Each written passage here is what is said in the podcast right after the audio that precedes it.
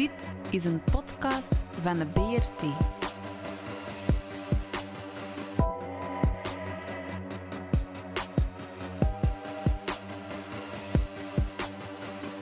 De Brabantse radio- en kleurentelevisie. Goedendag beste luisteraars en welkom bij Brasserie Brabant, een podcast van de Brabantse radio- en kleurentelevisie. Ik ben nog steeds Christophe de Kale, de schijnhertog van Brabant, en uw host van deze podcast. Vandaag heb ik bij mij als co-host de volkszanger en dialectspreker uit Noord-Brabant, Ramon. Dag Ramon. Goeiedag Christophe, fijn dat ik erbij kan zijn. Vanavond hebben wij ook als centrale gast, rasverteller en gever van breugellezingen, Rudiger Wouters. Dag Rudiger. Dag Christophe, Ramon. Wij hebben van Ramon een vraag gekregen over Antwerpen en over Brabant. Ramon. Ja, dat klopt Christophe, dank. Ja, ik kom uit Noord-Brabant, zoals jullie aan mij wel kunt horen. Uh, en Noord-Brabanders zien Antwerpen toch echt wel als een Brabantse stad. Uh, maar ik heb begrepen dat dat in België niet altijd het geval is. Ik lees soms zelfs uh, dat er gesproken wordt over de Vlaamse stad. een vraag aan Rudiger. is Antwerpen nog wel een Brabantse stad? Ja, daar geef ik volmondig ja op. Hè. Natuurlijk is dat Brabants. Er is natuurlijk een misverstand dat gegroeid is uh, dat komt vanuit de behoefte om uh, vanuit een aantal mensen al een jaar of 30, 40 om uh, zich af te zetten tegen de Franstaligen in België. En die hebben daarvoor een gemeenschappelijke term voor alle Belgen die Nederlands spreken gekozen. En die noemen dat dan Vlaams en Vlaanderen. Eigenlijk is het Nederlands en zijn het Nederlandstalige Belgen. Ja, natuurlijk beaamt de de schijnhertog van Brabant volmondig dat Antwerpen een Brabantse stad is. Ik bedoel, we moeten daar ook niet onnozel over doen. Kijk maar op het gemeentehuis, op het stadhuis. Daar hangt uiteraard een Brabantse leeuw en geen Vlaamse leeuw. Los daarvan hebben we bijvoorbeeld onlangs ook het boek van Jeroen Olieslagers, Wilde Vrouw. Een uh, zeer goed boek, een aanrader als een boek. En daarin wordt er wel een paar keer expliciet ook Antwerpen als Brabant gebied vermeld. Maar wat houdt er nu juist in Brabant, Rudiger? Wel, over welk Brabant hebben we het hier? Dat is de vraag. Hè? Ja. Wel, wij, ik, ga, ik ga het zo situeren. Wij denken, als we het woord Brabant gebruiken, aan het gebied dat ooit het hertogdom Brabant genoemd werd. Dat betekent dat we het hebben over de gebieden die ooit in hertogdom Brabant lagen, zoals Noord-Brabant, die na de, val, na de opstand uh, bijna per ongeluk in Nederland terechtgekomen is. Uh, maar daar gaan we het in een andere uitzending eens over hebben, uh, graag. dat wat men nu de provincie Antwerpen noemt, ook een, een, naam die ik liever niet hoor, ik zou liever Midden-Brabant horen. Dat wat men nu Vlaams-Brabant noemt, dat helemaal niks met Vlaanderen te maken heeft, dat is gewoon het, het Nederlandstalige Zuid-Brabant. Je hebt de stad Brussel en je hebt het Waals-Brabant, wat eigenlijk beter Brabant du Sud of Brabant du Midi zou genoemd worden. Heel dat gebied, hè, dat van het noorden naar het zuiden, van Sertogenbos tot Luiven is, een zeer groot gebied trouwens, hè, van Eindhoven tot aan Bergen op Zoom, dat is zeer groot. Dat noemen wij Brabant. Dat is trouwens een, een, gebied dat samen groter is dan de Nederlandstalige provincies van België samen, dan wat men Vlaanderen durft noemen. Het is uh, economisch machtiger dan heel België of heel Nederland. Hè. Het is een zeer sterk gebied, waar trouwens, om actueel te blijven, de beste vaccins ter wereld ontwikkeld en geproduceerd worden en uitgevoerd. En waar de economisch sterkste steden van de Nederlanden liggen. Eindhoven, Antwerpen, Brussel zijn stevige polen en, en wereldwijd bekend. Trouwens, om, om op uh, Christophe, om op uw punt uh, even te reageren. Je ziet inderdaad aan het stadhuis nog die, uh, die Brabantse leeuw. Maar je hebt ook op het steen de, die, moet de vlag wapperen. Hè, de Brabant, Absoluut, ja.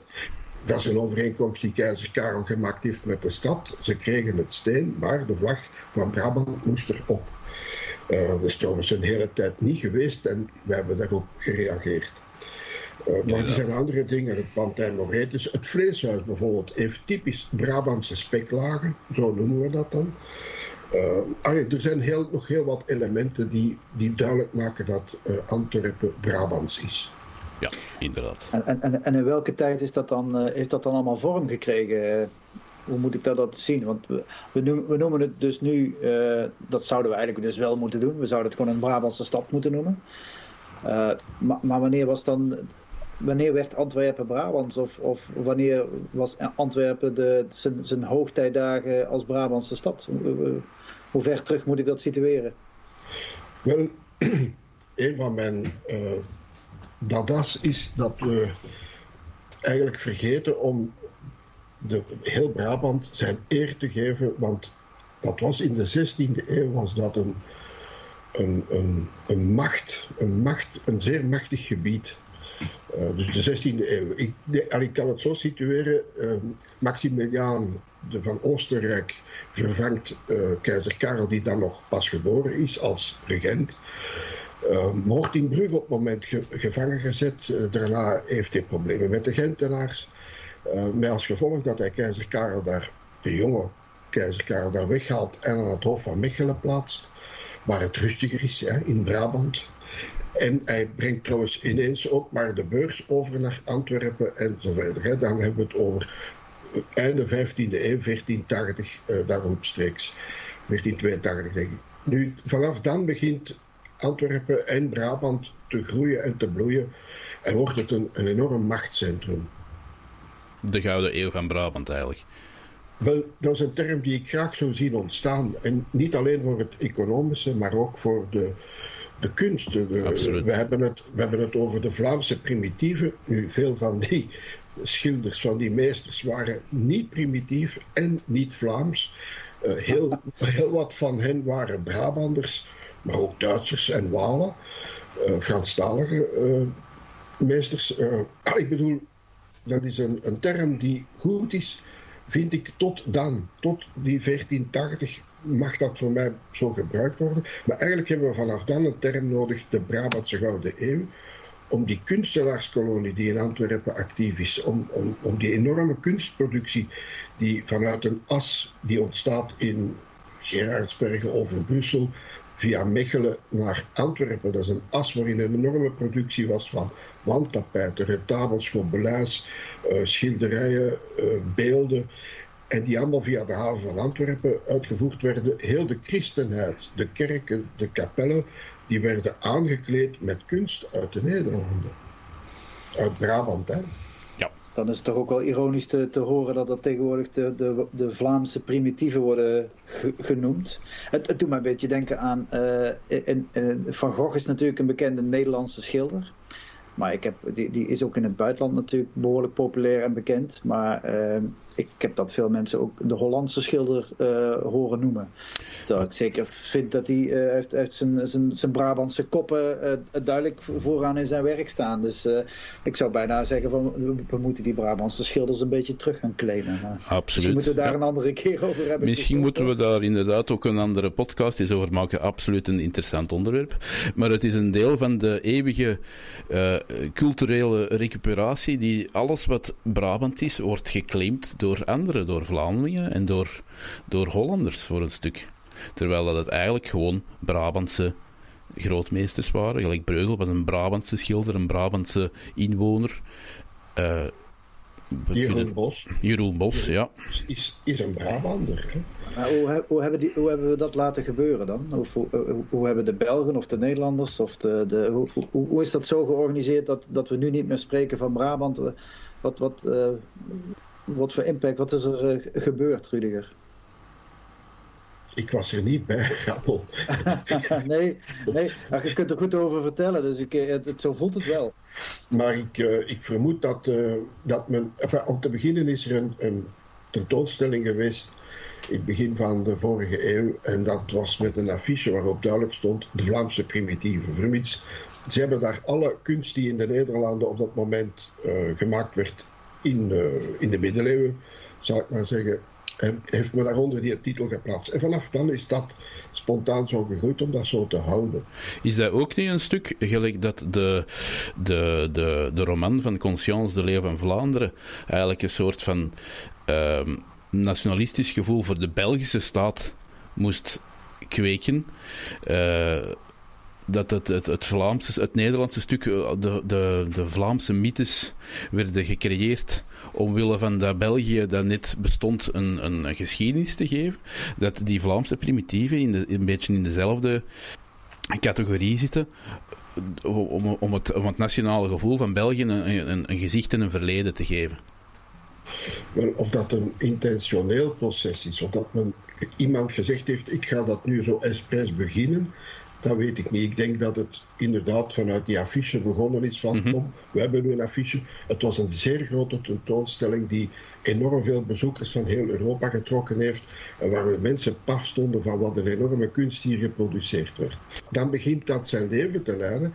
En dan wordt dat natuurlijk heel handig gebruikt door iedereen die het woord Vlaams en Vlaanderen constant wil in onze, in onze begrip inprenten. Zeg maar in onze strotrammen.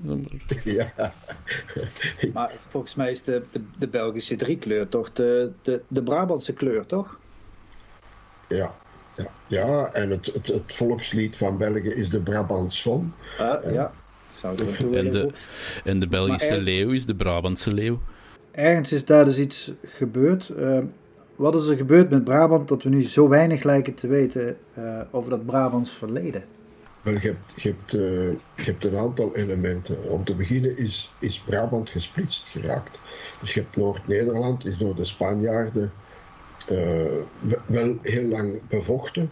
Maar ze hebben het niet gehaald van de Staatsen en het is dus Nederland geworden. Ik weet niet of jullie daar heel welkom waren bij de Hollanders, maar, maar ze hebben u er wel bij genomen. Hè. Ze hebben trouwens nog geprobeerd om ook, uh, ik moet dat erbij zeggen, ze hebben ook geprobeerd om het zuiden terug te bevrijden van de Spanjaarden. Wat niet gelukt is, niet alleen wegens uh, voldoende, onvoldoende militairen, maar ook omdat er blijkbaar al een verschil in de geesten gegroeid was. En dat verschil in de geesten, dat komt ook door, dan weer door verschillende elementen. Om te beginnen bij de val van Antwerpen. Je moet je voorstellen, ik, ga, ik, ga, ik hoop dat ik er straks nog iets van kan vertellen. Wat een enorme macht dat Brabant was qua concentratie van, van gerecht en rekenkamer en zo verder. Maar ook qua handel en, nijverheid uh, zat er in Antwerpen een enorme concentratie. En dat gaf een bevolkingsgroei tot, van, van 40.000 tot 100.000 inwoners op, op mhm. een zeer korte tijd. Nu die rond 1560 begint de opstand, eh, de opstandige gevoelens, hè, met, met een, eh, een aantal opstandigen, de, de, de geuzen, die, het eetverbond van de geuzen, die dan uh, naar de landvoogd gaan en zo. Er, er, is een hele evolutie, maar de spanning groeit, ze zitten als het ware op een vulkaan. Een aantal mensen met middelen, met geld, met verstand, met know-how, die gaan al uitwijken. Hè. De, ook, uit de Vlaanders trouwens. Gaan mensen naar Engeland. Vanuit hier gaan ze vaak naar Nederland, maar ook naar Duitsland. Hè. De vader van Rubens gaat naar Keulen vluchten. Uh, drukkers vluchten naar uh, Duitsland. De stad Frankenthal bestond ongeveer niet. En na de Vlaamse immigratie was daar, was daar een stad. Hè. Dat zijn dingen die weinig geweten zijn. Maar van Antwerpen was er de stad Antwerpen alleen al is 50.000 ongeveer mensen zijn vertrokken naar het, vooral naar het noorden. Dus, daar, daar, dus je krijgt daar een soort brain, brain drain. Hè? Mensen met macht en geld en, en netwerken en connecties die vertrekken. En dan na de opstand wordt de Schelde vastgelegd. Na de val van Antwerpen wordt de Schelde geblokkeerd. Dus daar, op dat moment ontstaat er uh, een terugplooien op zichzelf, denk ik. Hè? Ja, ik, ik dacht altijd dat, uh, dat handel en dat soort dingen een, uh, een Hollandse uitvinding was. Maar ik, uh, ik, ik leer hierbij. Misschien is het ook wel vanuit het Antwerpse meegekomen dan. Het is natuurlijk daarna dat de Gouden Eeuw van Holland begon. Ongetwijfeld. Wel, wel ja. de Gouden Eeuw van Holland op gebied van kunst. Als je denkt, kijk eens naar, naar veel schilders die er zijn er een aantal die uit, uh, uit Antwerpen komen, uit Brabant komen. die naar het noorden vluchten. Hè, die daar een, kunstschool beginnen en zo verder. Hè. Hals bijvoorbeeld, Frans Hals. Er zijn Van Mander trekt naar het noorden, eh, die dat, het schilderboek geschreven heeft. Er zijn, hè, dus er is een, niet alleen op het gebied van handel een brain drain. Hè. Uh, maar, maar ook op het gebied van geld en, en, en contacten. Er zijn heel wat mensen die naar Nederland gaan de VOC, de, v, de Verenigde Indische Compagnie, de Oost-Indische Compagnie, die worden voor een goed stuk bemand door mensen uit het zuiden met kapitaal en met kennis en ondernemingslust. Uh, even recapituleren dan. Ik bedoel, er is zoveel te vertellen over Brabant en het is allemaal een zeer interessante geschiedenis. Maar misschien moet je even, uh, als je kan, Brabant wat meer schetsen. Hoe zag dat er toen uit? Om te beginnen, de Nederlanden waren na de Bourgondiërs één geworden. Na de Bourgondiërs, want het is keizer Karel die er één gemaakt heeft en onder zijn eigen uh, ja, heerschappij, hè, hij was de heer van de Nederlanden, ja. gebracht. En wat zat, wat zat er dan in Brabant? Gaat Leuven met zijn universiteit en het kerkelijk recht. Nu, dat kerkelijk recht, dat was niet niks op een ogenblik dat mensen aan voor galg en rat uh, opgroeiden of op een brandstapel terechtkwamen. Weet u trouwens waar het uh, woord gericht vandaan komt? Als je, mens, als je een reeks mensen wilt ophangen, dan plaats je geen galgje zoals je dat in het Wilde Westen ziet. Dan plaatsen ze twee palen. En tussen die twee palen verbinden ze met één horizontale balk. En dat is de gerechte balk. Ja. En vandaar ah. komt het woord gericht. Mm. En daar kan je er heel wat aan ophangen. Een aantal ja. ja. Ze waren ook veel, vaak gebeurd. Er zijn heel um, boeiende, maar soms heel droevige dingen over te vertellen. Over die tijd, over dat recht. Uh, gaat Mechelen, het hof van Margaretha van Oostenrijk, uh, waar keizer Karel dan opgevoed wordt. De rekenkamer zit daar, het opperste gerechtshof zit daar. Uh, een andere stad is Brussel, hofstad van keizer Karel. En daar staat het paleis van de Nassau-familie. Dus uh, die later de, mm-hmm. de, prins van Orange wordt. Omdat ja, zijn onkel in de stad Orange, hè, de prins van Orange overlijdt. En de Nederlanders noemen die Oranje, maar dat is eigenlijk Orange. Ik zal het uh, onthouden. ja, en dan heb je uh, dus de meest Nederlandstalige stad van, van uh, het zuiden van, van de, de zuidelijke Nederlanden trouwens. Hè. Don, Den Bosch was een vestingstad. Daar werd ook kunst geproduceerd. Denk maar aan Jeroen Bos. Gaat de lakenhandel. En een mooie um, anekdote, Ramon, jij als Nederlander. De red tape, weet, je kent het begrip red tape. De Engelsen gebruiken dat dikwijls om uit te leggen dat er te veel paparasserij rond iets hangt. Ah ja, ja. ja, ja. Red tape vraagt een proces, want we hebben zoveel papieren moeten invullen. Dat red tape, dat komt van Den Bos. Serieus? Ja. Namelijk in Den Bos maakten ze rode lintjes. Rode lint. En keizer Karel die wilde dat in al de dossiers die hij moest behandelen, de belangrijke moesten een rood strikje krijgen, een rood lint rond dan wist hij direct welke hij eerst moest zien. En vandaar komt nu dat men in Amerika het over red tape heeft. Dus toch plezant om te weten, zo'n anekdote. Hè. Het is een uh, bureaucratisch hoogtepunt, zeg maar. Ja, Bergen, ja, Bergen op Zoom was een, een jaarmarktstad, stad waar de eerste stormwaarschuwing verspreid werd. Dat, is een primeur. Uh, dus bij de Allerheilige Vloed. Uh, trouwens een rampzalige vloed. Hè. die heeft ervoor gezorgd dat uh, Bergen op Zoom bijna niet meer bereikbaar was ja. door de grote zeeschepen. En dat plots Antwerpen al de handel kreeg. Allee, plots, dat was ook al uh, een hele tijd bezig met, er waren verschillende vloeden. ze hebben daar trouwens, ze hebben een volgende stap gezet. In plaats van een dijkgraaf en nog één, hebben ze een eerste waterschap gecreëerd. Komt ook van de kust van Brabant. Uh, en dan heb je Antwerpen met zijn handel en zijn beurs. En dat was. Ik vind het moeilijk om, om, om dat goed te, uit te leggen, maar dat kan je vergelijken met een combinatie van Silicon Valley, New York en de beurs van Londen. Zo'n enorme concentratie zat er op dat ogenblik in Antwerpen. Een, concentratie van, van economische machten, van, van, van cultuur en van, van Ja. De stad zat, eh, men, men zegt dat eh, rond 15, tussen 15 en 1550 het goud rolde door de straten. Natuurlijk niet voor de armen, er was een massa arme dagloners.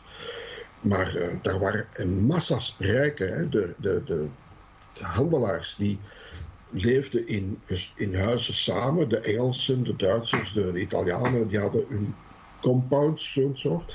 En als die dan naar de beurs gingen, want in Antwerpen had je ook het eerste gebouw dat gebouwd is om beursactiviteiten in uit te voeren. Ik weet niet of je dat weet, eigenlijk drie. Hè. Eerst was er een oude beurs, een houten. Dan heb je in de Hofstraat een kleine, die later de Engelse beurs geworden is, omdat ze te klein werd. En dan hebben ze de nieuwe beurs gebouwd. En die nieuwe beurs is dan gekopieerd later in Amsterdam en in Londen. En die beurs, die beursgebouwen, die hadden altijd een, die hadden een, een structuur, zo, denk aan een klooster met een, een ga- gaanderij en een open koer in het midden. En dat, daar, daar werd gehandeld. Want God Ja. moest kunnen zien dat je niet, eh, geen verkeerde activiteiten deed.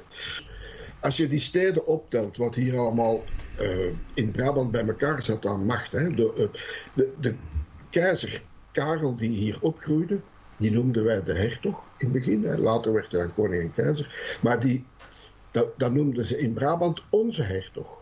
Die had, die had een band en zette ook zijn, zijn, zijn hof was hier in Brussel. Mhm. Hij ging ook soms naar Spanje en nam hij zijn hof mee, hè, met zangers en al. Hè.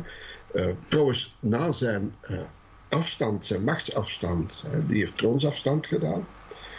Dan is hij naar Juste, Juste in Spanje getrokken, dus het dorpje Juste. Daar is hij dan gaan wonen als een soort kluizenaar. Nu heeft toch wel als arme kluizenaar 70 man personeel meegenomen. Waaronder een aantal Brabantse brouwers.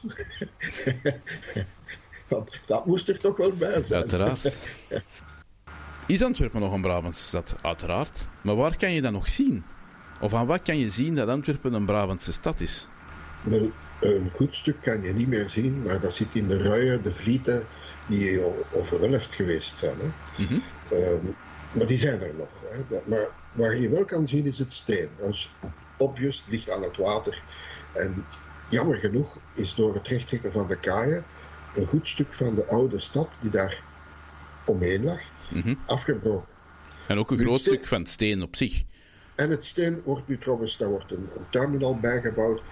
Eh, maar goed, ja, het, het zegt Ja. iets over ehm, hoe het zou kunnen geweest zijn. Wat meer zegt is de kathedraal. Hè? Brabantse Mhm. gotiek. Een werk, als je het met gids kan doen, is het enorm. Hè? Het is een, maar ik, ik kan u al, om, om u wat te teasen, om u uit, uit te dagen, eh, een kerk met zeven beuken. Mhm. Zeven beuken. En die vond men op een bepaald moment niet groot genoeg. En men ging aan de andere kant nog een stuk bijbouwen. En dan is er een brand geweest. En eh, daar hadden zoveel geld nodig en werk om dat te herstellen, dat dat niet afgewerkt is. Maar om, om u een idee te geven hoe gigantisch dat de plannen waren. Het stadhuis is 16e eeuw. Hè. Eh, is nu ongeveer bijna uit de stijgers. Nee, het is uit de stijgers aan de Het is buitenkant. ook Ja. Goed. Ik ben met de corona niet veel daar geweest. Eh, en, en het is een heel mooi gebouw. Trouwens, met uw Brabantse leeuw, hè, de vlag. eh, de Wildeman staat erop. eh, de- ook weer een link naar Jeroen, het boek van Jeroen. Maar toch ook aan de, aan de binnenkant van het stadhuis is er toch ook veel verwijzing naar de, naar de Brabantse hertogen. En de Brabantse leeuw komt daar toch ook wel een aantal keer Ja, aan bod. ja zeker. Je hebt de, de Vlijkersgang. Vind ik, eh, Mhm. Dat doe ik heel graag als ik bezoekers heb, om die eens mee te nemen naar de Vlijkersgang. En eh, om u een gevoel te geven hoe men in de middeleeuwen eh, leefde, in Ja. die 16e eeuw. Zelfs de sloten hebben hun eigen verhaal. Elk slot heeft zijn eigen vorm, zodanig dat de mannen, als ze een pintje te veel op hadden, eh, gemakkelijk konden zien met hun sleutel aan de vorm dat ze in de. Dat ze in het juiste huis binnen ging en niet bij de buurvrouw ja, in ja. bed gingen liggen. Precies, Het precies. vleeshuis eh, met die Braba- Brabantse speklagen. het Huis van Nortelius. Uh, de Carolus Borromeuskerk, waar ook een werk van Rubens hangt. En, en trouwens, um, een heel interessant werk. Want mensen denken aan Rubens aan een schilderij. Maar hij heeft dat totaal ontworpen met een beeld boven waarvan uh, een, een, figuur een hand naar beneden uitsteekt, naar de figuur op het schilderij die haar hand naar boven uitsteekt. Dat soort uh, totaalwerk, hè? een gezamtkunst zouden ze het vandaag noemen. Uh, ja. Of bijvoorbeeld, ook, ook de Sint-Jacobskerk, waar Rubens begraven is. Daar zie je in de, in de glasramen van boven ook een paar keer de, de Brabantse leeuw terugkomen. Heel interessant trouwens, hè, die Sint-Jacobskerk. Die is nu ook in restauratie. Ja, ja. Uh, het Hessenhuis. Uh, er zijn nog tal van uh, gebouwen. Maar je hebt ook het, het immateriële. De mm -hmm. mensen komen niet alleen naar Antwerpen om stenen te kijken. De sfeer, die Brabantse sfeer, die haal je er zomaar niet uit. Je kan iets een andere naam geven, maar het blijft een Brabantse. Uh, een sfeer van bonhomie, van uh, leven en laten leven, van laten betijen, van uh, waar eten en drinken natuurlijk hè, Burgondische ruime plaats innemen. En dat is volgens mij ook hetgeen, alleen niet volgens mij, dat is gewoon hetgeen dat ze ook zeggen over Noord-Brabant. Niet waar, Ramon? Ik, ik kom graag in Antwerpen vanwege de reden die Rudiger net noemt. Dus ik herken zeker de, uh, de sfeer. En ik denk dat dat ook al dus de, het imago is dat, uh, dat Noord-Brabant in Nederland heeft. Dus, ja, dat is hetgeen dat, ik komt, zeggen, dat komt niet van nergens, nee. nee. Het is die gezelligheid dat, die daar gekoppeld wordt aan Brabant, aan gans Brabant zelf. Ja, er zijn twee Brabanders bij elkaar en je hebt een gezelschap, hè? Voilà. Ja, Brabanders verstaan elkaar. Zeker, zeker. Uh, met een enorm gebied ertussen. Ja. Wat ook nog interessant is uh, om, om eens te bekijken, is de, de oude beurs. Daar wordt nu aan gewerkt. Er is een restauratieproject. En de handelsbeurs, ga, ga daar zeker eens binnen. Dat is echt heel mooi. En, een, en nog een typisch het museum Maier van den Berg. Uiteraard, ja. Dat, Absoluut. Uh, waar de Dullegriet hangt. Absoluut, door ja. Bruegel geschilderd. Uh, dat zegt heel veel trouwens, dat schilderij, over de sfeer van de 16e eeuw. Ik wil er nog één ding over zeggen, over dat Brabanders verstaan elkaar. Dat is ook effectief een feit. Als je bijvoorbeeld in Sertogenbos komt, dan verstaan Brabanders elkaar. Maar als ik bijvoorbeeld soms eens in Brugge kom, dat zogezegd mede-Vlamingen zijn, dat zijn Vlamingen, ik ben geen Vlaming, maar dan heb ik soms wel moeite om die mensen te verstaan. En dat is omdat die, ja, hun Vlaams is anders dan het Brabants dat we praten in, Antwerpen en in Sertogenbos en in Tilburg en in Eindhoven. Ja, ik, ik, zeg, ik ben ook zeer content dat ik hier uh, een, een beetje meer mijn eigen kan praten, zoals ik dat zeg. Want als ik uh, boven de rivier in Nederland kom, dan merk ik en dan betrap ik mezelf op dat ik uh, me soms ga aanpassen. Terwijl thuis spreek ik dialect. Dus, en dat hoef ik in Antwerpen, hoef ik me daar niet op te letten. Dus dat voelt toch meer als thuis daardoor. Ja. Het heeft natuurlijk ook zijn charmante kanten. Hè. Als je in, in Vlaanderen, West-Vlaanderen komt, is bijna buitenland. Hè. Die, die, die, die ja, sfeer die ja, ja. heeft ook mooie kanten. Hè. Ik, ik zou zeggen, de, de, de, de, taal is niet mooier of anders elders. Maar het is toch uniek dat we over de eeuwen heen zo toch die link nog hebben weten te behouden. En dat, dat, dat je van Leuven tot Brussel, tot, tot Den Bosch, tot Antwerpen... Uh, toch mekaars taal goed kan verstaan. Ja, dat ondanks de breuker nog altijd een verbandschap is, omdat het net ja. eeuwenlang één stuk is geweest, omdat die, die gewoontes en die, die, ook die culinaire gewoontes en, en, en de gebruiken toch voor een groot stuk nog altijd hetzelfde zijn. Maar bij dit zou ik dan deze aflevering uh, willen afronden, komen we daar zeker op terug in de volgende aflevering. Ik wil je nu bedanken voor dit, deze aflevering en we horen u volgende week terug. Dit is een podcast van de BRT.